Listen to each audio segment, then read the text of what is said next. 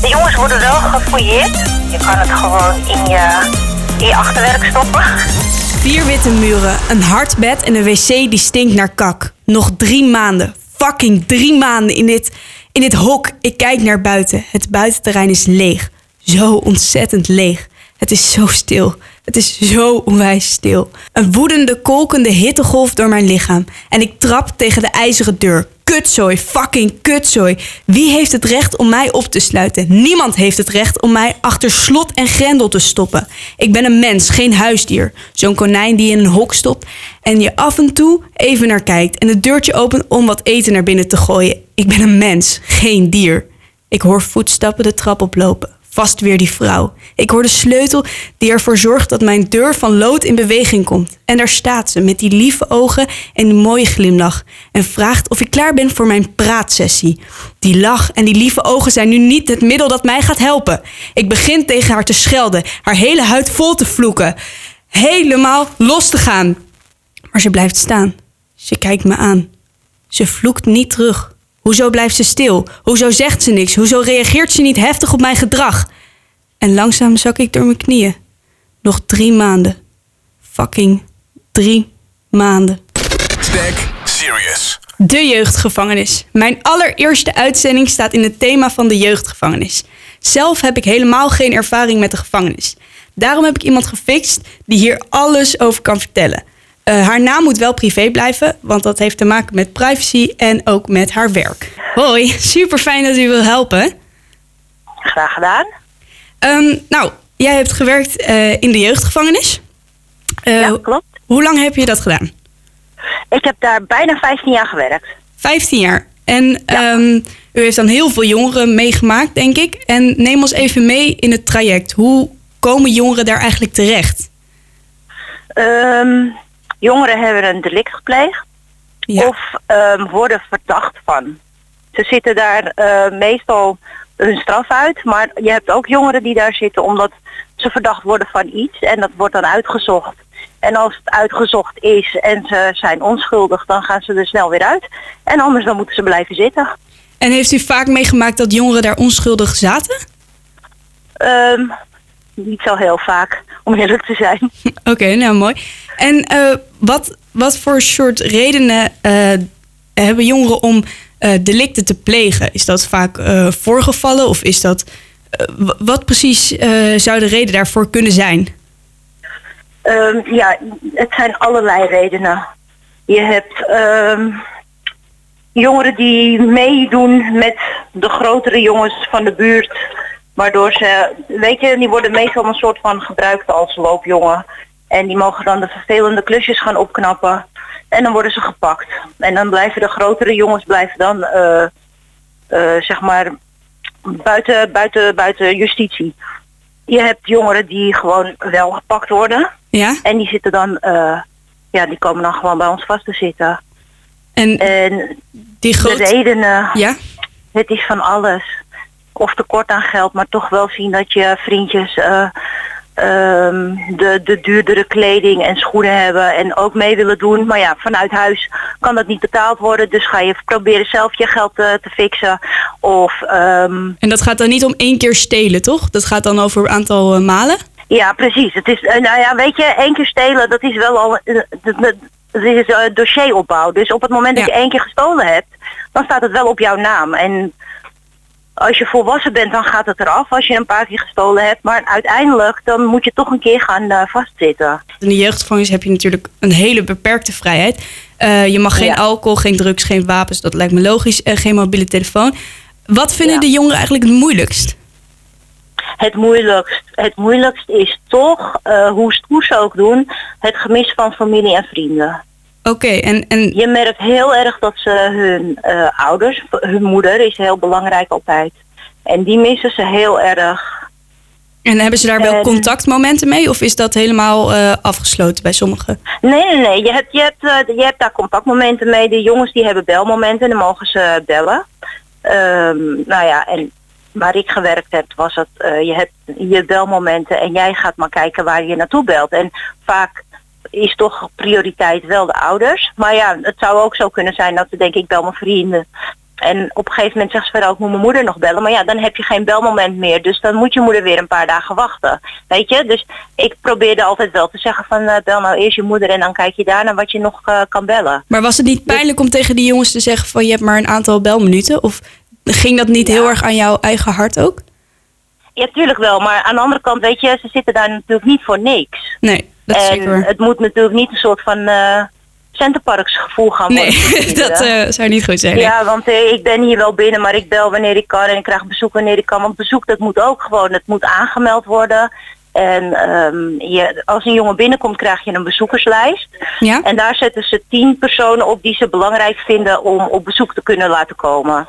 Oké, dus ze En op mogen het ook moment zelf dat- eh, kiezen wie eh, Ja, mogelijk en op het moment dat ze dan bijvoorbeeld ehm, zeggen van nou moeder wil langskomen. Ja? Dan geeft ze, moet ze dat doorbellen en dan komt ze op de bezoekerslijst terecht. En dan weet je van oké, moeder die eh, gaat zondag komen. Het me- meestal was bezoek in het weekend of in de avond. Nou, moeder komt zondag en dan weet je dat, eh, want het, zij staat op de lijst, zij is goedgekeurd als bezoek. Want je kan erop zetten wie je wil, maar het wordt ook nog bekeken van wie staat erop. Ouders moeten er sowieso op staan als Ja. die in het beeld zijn. Maar alle vrienden, dan wordt nog eens toestemming gevraagd aan ouders. Van hij heeft Piet erop gezet. Kennen jullie Piet? Wat vinden jullie van Piet? Vinden jullie Piet oké om op bezoek te komen? Dus het wordt ook wel eh, goed gecontroleerd, zeg maar. Dus de ouders hebben eigenlijk ook nog heel veel in de hand als een jongere in de jeugdgevangenis zit. Ja, sowieso. Want ouders moeten, als een kind weer vrijkomt, ook weer verder met het kind. Dus je kan niet zeg maar zeggen van nou, ze zitten nu bij ons, dus ouders die hebben nu even niks te zeggen. Nee, ouders die worden juist heel erg erbij betrokken als het goed is. Want daarna moeten ze weer verder met ouders en in het gezin. En hoe gaat het zeg maar eh, binnen de gevangenis, onderling tussen de gevangenen? Is dat, eh, gaat het er altijd goed aan toe of komen er ook vaak relletjes? Ehm, ja, beide. En Het kan goed gaan en weet je, het, je hebt groepsregels en eh, groepsafspraken en dat betekent ook respectvol met elkaar omgaan.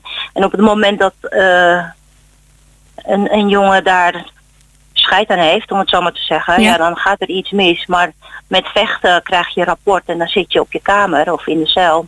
Op de kamer noemden wij het.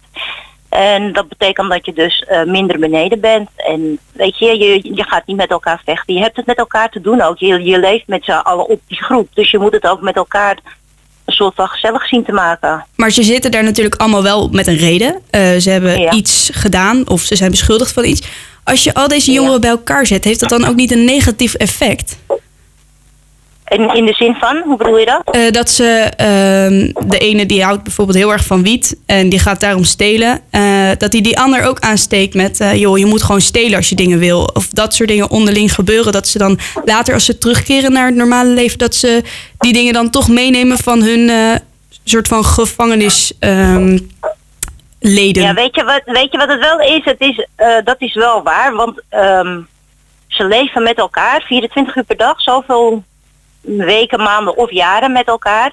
En ze leren natuurlijk ook veel van elkaar. En je, ze worden ook vrienden van elkaar. Dus op het moment dat ze elkaar helemaal niet kennen, dan ehm, als je eenmaal binnen hebt gezeten, dan weet je wel van oh dat is eh, Piet of dat is Klaas of eh, ik roep maar wat. En je gaat toch met elkaar om als ze eenmaal buiten zijn. Dus ja, je hoopt dat ze allebei ervan geleerd hebben of allemaal ervan leren. Dat je dat niet moet doen en dat ze goede invloed op elkaar kunnen hebben als ze eenmaal weer buiten zijn. En, en die jongeren, als ze zeg maar uit de gevangenis komen, eh, is het dan vaak dat ze later, als ze volwassen zijn of als ze nog steeds kind zijn, dat ze terugkeren naar de gevangenis? Of leren de meesten daar toch best wel veel van? Ehm, je hebt er een aantal die er echt van leren. Ja? Je hebt er een aantal die een aantal keer nodig hebben om eh, ervan geleerd te hebben. En je hebt er een aantal van die niet leren. Maar neem ons even mee in een dag in de jeugdgevangenis. Hoe ziet dat eruit? Eh, hoe laat staan ze op? Wat doen ze dan? Hoe laat gaan ze naar bed? Oké, om half acht kom ik binnen. Dan ga ik naar de groep toe. En eh, we hebben een soort overdracht van hoe de nacht is gelopen. En ook zeg maar van de vorige dag. Want je hebt natuurlijk niet elke dag dat je werkt. Dus dan weet je een soort van wat is er gebeurd gisteren of wat is er af van de week gebeurd. En bij ehm, elke jongen waar iets speciaals bij is, krijg je dat te horen. Dan ga je naar je groep toe. Daar wek je de jongens om acht uur. Ze moeten... ehm, de laatste paar jaren hadden ze een eigen douche op kamer. Toen het nog een oud jeugdgevangenis was, een oude. hadden ze maar één douche op, of twee douches op de gang. Dus dan moesten ze echt om de beurt douchen. Maar de jongens moeten eigenlijk gedoucht beneden komen, hun kamer opgeruimd hebben en hun bed opgemaakt hebben. Dan gaan ze naar beneden, dan zitten we met z'n allen aan het ontbijt. En na het ontbijt hebben ze, ze hebben altijd een corvée-taak. Dan moet de een de tafel afruimen, uh, afwassen, afdrogen, uh, vegen, dat soort dingen. Iedereen heeft wat. Ja. Um, en dan gaan we naar de dagbesteding. We, hebben een, we hadden een school intern. Dus de meeste jongens gaan dan naar school toe. De jongeren die daar pas uh, bij ons zijn, die gaan niet naar school toe. Maar die zitten op de groep en die gaan langs de huisarts, langs de therapeuten. En die zitten dan ook mensen. allemaal in, in de jeugdgevangenis zelf? Ja. Dus je hebt eigenlijk een soort van heel dorp in de jeugdgevangenis? Ja. Oké, okay. ja. ja.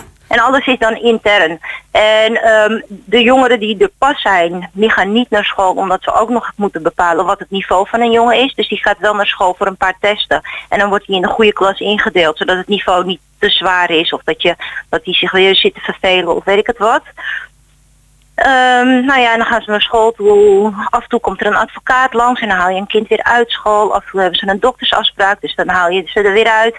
En zo blijft het een beetje heen en weer tot aan de lunch. Dan komen ze terug, dan gaan we lunchen, dan hebben ze weer allemaal café, dan gaan ze weer naar school. Om half drie komen ze terug, dan gaan ze naar kamer, dan hebben we overdracht voor de late dienst. En dan begint het avondprogramma en dan werden vaak activiteiten georganiseerd. Hadden we ook iemand voor, of een, een aantal mensen voor intern die dat deden. En waar moeten wij dan aan denken? Voor wat voor activiteiten? Um, we, ze konden sporten, we hadden een uh, hele gym. Daar konden ze uh, met gewicht aan de slag. Uh, we hebben een sportzaal, voetballen. Uh, buiten konden ze voetballen. Ze konden, nou ja, er werden allerlei activiteiten, sportactiviteiten voornamelijk, want het zijn jongens, die hielden niet echt van knutselen, zeg maar. Nee, nee. Dat is en nou, dan worden ze in de avond worden ze daarmee bezig gehouden. En het is gewoon alleen als je wil. Als je niet wil, dan zit je op de groep en dan ga je een filmpje kijken of tv kijken of whatever. Maar je kan ook, het, het leukste is als je meedoet aan de activiteit, want dan heb je in ieder geval wat te doen. Volgens mij gingen ze om tien uur allemaal, of om kwart voor tien allemaal naar kamer. Naar de cel dan, maar wij noemden het kamer. Gingen ze naar boven en dan werden ze ingesloten. En dan was het gewoon uh, einde oefening. Tot de volgende dag weer. En van tevoren, voordat ze naar kamer gingen, moesten ze allemaal weer helpen. Dus met vegen, dweilen, uh, de keuken opruimen, vuilniszak uh, eruit halen, dat soort dingen. Dat werd allemaal geregeld ook door de jongeren met hulp van ons. Ik had ook ergens gelezen dat uh, drugs dus ook verboden is. Maar toch, ja. uh, heel veel van uh, de jeugdgevangenen komen ja. toch aan wiet om zo rustig te worden in de gevangenis. Maar ja. heeft u dat ook meegemaakt? Heeft u jongeren daarop bet betrapt? En hoe is dat dan mogelijk? Want die jongeren zitten helemaal in zo'n gevangenis. Hoe kan dat in of uitkomen? Oké, okay, nou, er zijn heel veel manieren waarop het naar binnen kan komen. Je hebt jongeren die op verlof gaan, die um, mogen dan aan het einde van hun uh, detentie, mogen ze gaan oefenen met naar buiten gaan. Dus dan hebben ze buiten een school, of ze hebben werk of een stageplaats en dan gaan ze naar buiten. Uh, zij kunnen aan alles komen of bezoek. En uh, ja, er zijn, speciaal, er zijn allerlei trucjes voor. Um, de jongens worden wel gefouilleerd en gevisiteerd voordat ze binnenkomen. Maar om het zomaar te zeggen, je kan het gewoon in je, in je achterwerk stoppen. Lekker, lekker. ja, maar, maar dat maakt voor hun eigenlijk niet uit, weet nee. je. En uh, dat wordt in een handdoek, of in een handdoek hoor, maar in een handschoentje gestopt en het wordt naar binnen gewerkt. En daarna komt het er weer uit. Um, bezoek die doet wat in hun mond. Uh, je kan drinken aanbieden aan je bezoeker. Uh, je, doet het, je spuugt in het bekertje, de bezoeker. Uh, ja. de, de jongere neemt dat bekertje en die heeft het in zijn mond. En na bezoek worden ze ook altijd gecontroleerd. Maar weet je, er komt altijd wel iets doorheen, helaas. En als er... Het is altijd een spelletje. En als het gevonden wordt, wat zijn de consequenties dan voor zo'n jongen die bijvoorbeeld dan uh, op stage mag of uh, die naar school gaat? Dan, dan, dan is de consequentie dat je krijgt eerst uh, een, een waarschuwing bij de tweede. Kijk, we deden ook urinecontroles. Dat betekent dat een jongen, uh, s ochtends gingen we ze dan wekken en dan moesten ze om zijn beurt in een bekertje plassen. Die urine dat werd naar het laboratorium gestuurd en dan gingen ze kijken of daar iets van harskook of weet ik het wat in zit in de urine. Op het moment dat het binnenkomt en je hebt een positief UC, positief betekent ja? dus dat er iets in zit, dan krijg je daar een straf voor. En eh, de jongens die op detentie gingen, die krijgen dan als straf van... ehm, je krijgt eerst een waarschuwing, dan een gele kaart en dan een rode kaart. Bij de derde waarschuwing zit je dus binnen, ben je je stage kwijt. En dat zou heel zonde zijn en dat is altijd heel zonde, want dat is je begin weer naar je eh, leven buiten, zeg maar. Dus dat stagneert dan een stuk. Maar dat u blijft zei, dan ook, een beetje stilzitten. u zei ook kook, dus eh, jongeren in de Nee, dat heb ik nog niet meegemaakt, zeg maar. Maar Oké, u heeft er wel van gehoord ooit. ja, Oké, Dus nou, weet je, en die jongeren die, die, die stoppen dan een beetje hun eh, dagbehandeling, zeg maar, zo heet dat. En die kunnen dus niet meer naar buiten en dat zou heel jammer zijn. En dat gebeurde wel regelmatig en dan moeten ze weer heel erg hun best doen en dan moeten ze weer bewijzen dat ze eh, een, een lange tijd geen eh, hoge urine of geen, geen positief UC hebben. Ja? En op het moment dat ze dan weer alles negatief hebben, dus dat betekent, negatief betekent eigenlijk dat het goed is, want dat je niks kan vinden in de urine. Nou, en dan kunnen we weer terugwerken naar buiten. En jongens die binnen zijn en een positief UC hebben, die eh, krijgen daarvoor rapport.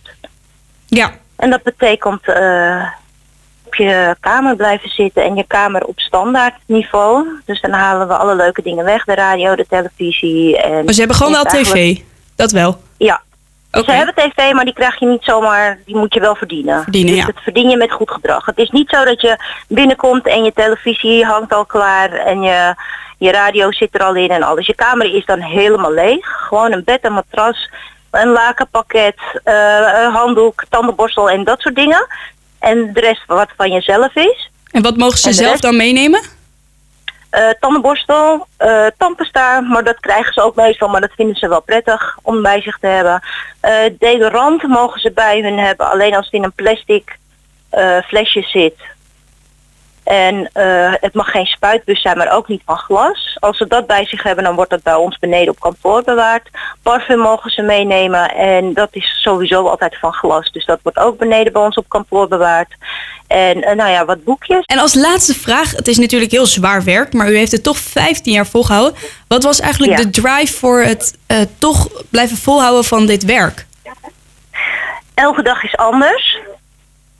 Ehm, ik, vind, ik, ik vind het nog steeds een vet leuke baan. En ik vind het echt jammer dat onze gevangenis gesloten moest worden. En wat was daar de Eh, reden achter? Er was, ehm, nou, meneer Teef had bedacht dat er ehm, minder criminaliteit in Amsterdam was. Dus eh, vandaar dat wij moesten sluiten. En dat neem ik hem nog steeds heel erg kwalijk. Ik hoop dat hij luistert. Nee, We zullen hem even eindelijk eh, mijn zegje een mail sturen. Ja. Nee, maar weet je, elke dag is anders. Het is gewoon een fantastische baan als je... eh, je, je moet aan een, een paar aantal leefregels houden. Je moet respect hebben, gewoon sowieso. Want wat ze ook gedaan hebben... ehm, je hebt... ehm, je moet respect geven, want dan krijg je ook respect terug. Ehm, en je moet eh, betrouwbaar zijn. Dus je moet je op je woord, moeten ze je kunnen... Ja, hoe zeg je dat? Vertrouwen.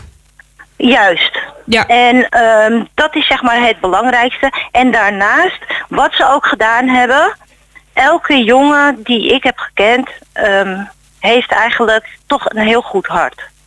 Want Ze zijn allemaal lief en ze zijn allemaal ehm, bezorgd. Ze zijn ook allemaal kinderen van iemand, weet je. En ze hebben ook echt wel gevoel in hun donder. Het zijn niet die criminelen die... Nou, weet ik, ik weet niet. In die 15 jaar heb ik er misschien twee meegemaakt waarvan ik denk van oké, deze heeft echt geen gevoel in zijn donder. Maar voor de rest heeft iedereen echt wel een goed hart. En als je één op één met ze in gesprek bent of in de keuken staat te koken samen met ze, dan merk je wel van eh, ze zijn gewoon ook echt heel lief. Ze kunnen ook heel lief zijn. De situatie heeft ze ergens gebracht waar, waar, wat, wat niet leuk is. Maar ik zeg ook altijd tegen die jongeren, of tegen die jongens vroeger van... Ja, luister dan, ik ben niet de rechter. De rechter heeft je hier geplaatst. Ik probeer je te helpen om verder te komen.